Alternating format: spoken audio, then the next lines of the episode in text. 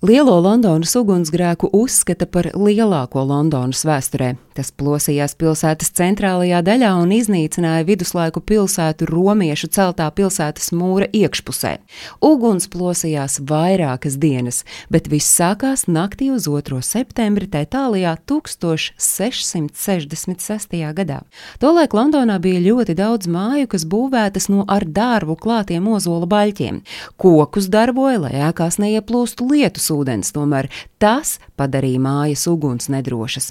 Turklāt ēkas tolaik bija saceltas cieši viena otrai blakus šaurās ieliņās, kur vienīgie īstie ugunsdzēsēji bija rajona spaiņu brigādes. Viņu vienīgie darba rīki bija ādas spaiņi un primitīvi ar roku darbināmi ūdens sūkņi.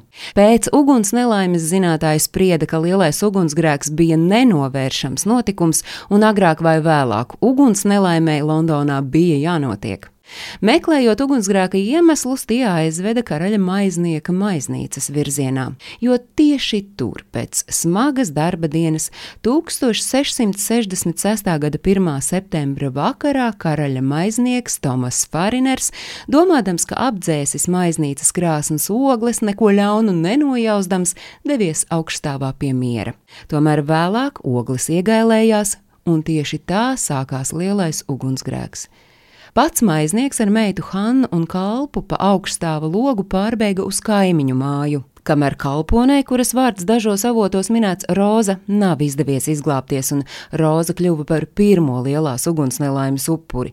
Pilsētas mērs arī nepienācīgi novērtēja liesmu spēku. Viņš pat apšaubīja ugunsgrēka nopietnību, ierodoties vietā, kur liesmas sāka plosīties.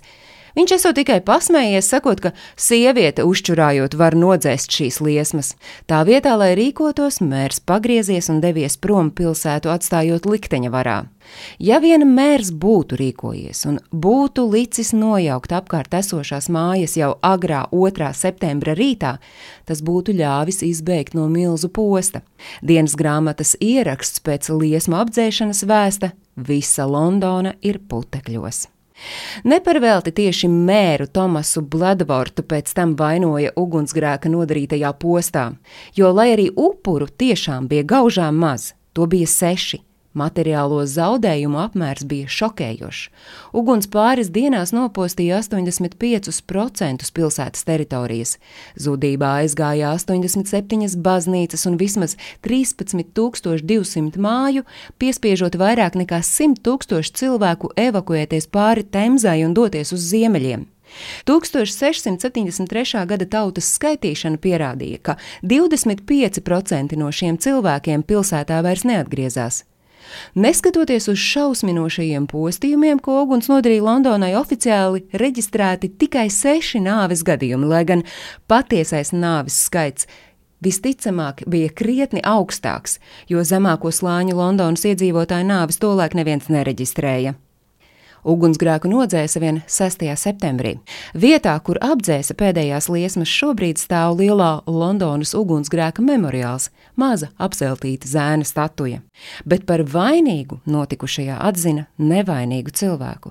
Lai arī franču pulksteņmeistars Roberts Huberts brīdī, kad izcēlās ugunsgrēks, nemaz nebija Anglijā un atgriezās vien tad, kad uguns jau bija plosījusies divas dienas, Tomēr bija vajadzīgs kāds grēkāzis, un rezultātā pēc atzīšanās nodarītajā tiesa atzina viņu par vainīgu un pakāra 1666. gada 27. oktobrī. Stāstīja Agnese Drunka.